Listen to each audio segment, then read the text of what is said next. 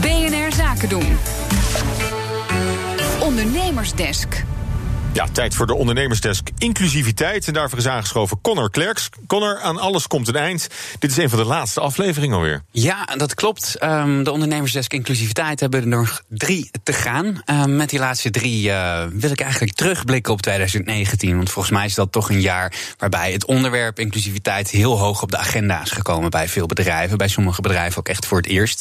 Het is natuurlijk ook het jaar van het vrouwenquotum. En in de laatste drie afleveringen dus uh, terugkijken op dit jaar, maar vooral ook vooruitblikken.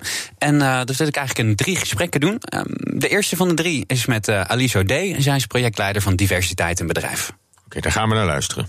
Het is een interessant jaar geweest op het gebied van inclusiviteit, hè?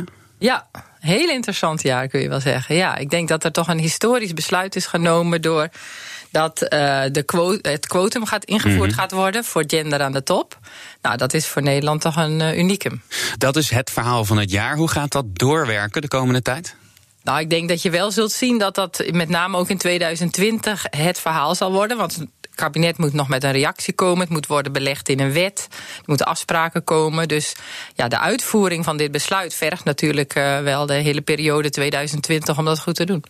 Ja, en ook zonder dat quotum heb ik het idee dat het begrip inclusie, uh, inclusiviteit, bij veel meer bedrijven hoog op de agenda is gekomen. Klopt dat? Dat klopt zeker, ja. Als je kijkt dat uh, veel bedrijven investeren in werven selecteren, proberen ook uh, zoveel mogelijk mensen met andere achtergronden binnen te halen. En nu realiseren ze zich, hè, met een uitkomst die toch wat meer divers is, met een meer gemixt personeel. Nu realiseren de ondernemers zich, ja, we willen ze nu ook vasthouden. Hè, uh, recruitment kost veel geld. De arbeidsmarkt is krap, dus je wil de mensen niet weer verliezen. Wat moet je dan doen? Investeren in een inclusief bedrijfsklimaat. En dat gebeurt nu wel, stap voor stap. Stap voor stap. Ja. Dus er is nog een hoop werk te doen. Heel veel werk te doen. En hoe zou je de, de stand van het land nu uh, noemen? Ik vind dat moeilijk om te zeggen. Wat heel positief is, is dat het op de agenda staat. Dat we het met elkaar over hebben. En proberen om uh, steeds meer inclusie te realiseren. Maar als je bijvoorbeeld kijkt naar mensen met een arbeidsbeperking, dan is de situatie dramatisch. Eigenlijk natuurlijk ook gender. Niet voor niks dat er een quotum komt. Dat je zo'n middel nodig hebt om dat te forceren. Dus ik denk, uh, zowel in termen van diversiteit, maar zeker in termen van inclusie, staan we tegelijkertijd ook nog aan het begin. Ja, en wat, wat, wat uh, moet er volgend jaar gebeuren om door te pakken? Wat er moet gebeuren is dat we ervoor zorgen dat we bezig gaan met het quotum en niet vergeten dat inclusie daarbij hoort. Het, gaat, mag niet alleen gaan over aantallen, over streefcijfers of quotumcijfers, maar het moet ook vooral gaan over de kwalitatieve maatregelen. Hoe zorgen we ervoor dat mensen met andere achtergronden dan de meerderheid zich thuis voelen in bedrijven en ook blijven? Want als je anders het quotum afschaft, dan is iedereen ook soms zo weer weg. Dus je moet nu duurzaam investeren in inclusie, zodat het ook echt een omslag is. Zie je het als een groot risico dat dat quotum een tijdelijk effect gaat hebben? Dat is een risico, dat is een reëel risico.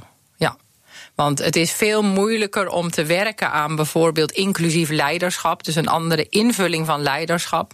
Het is ook veel moeilijker om ervoor te zorgen binnen een bedrijf dat het draagvlak is.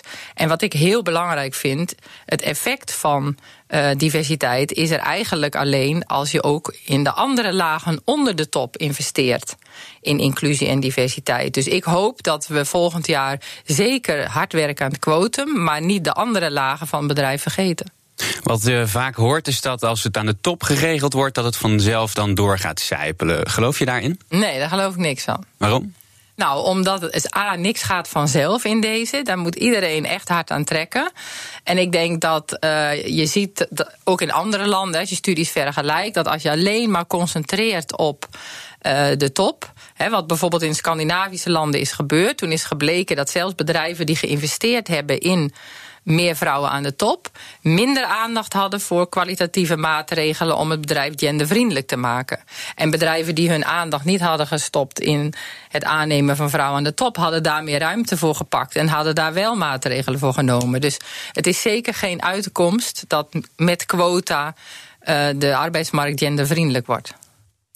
Connor Klerks hoorde u in gesprek met Alice Ode, projectleider diversiteit in bedrijf.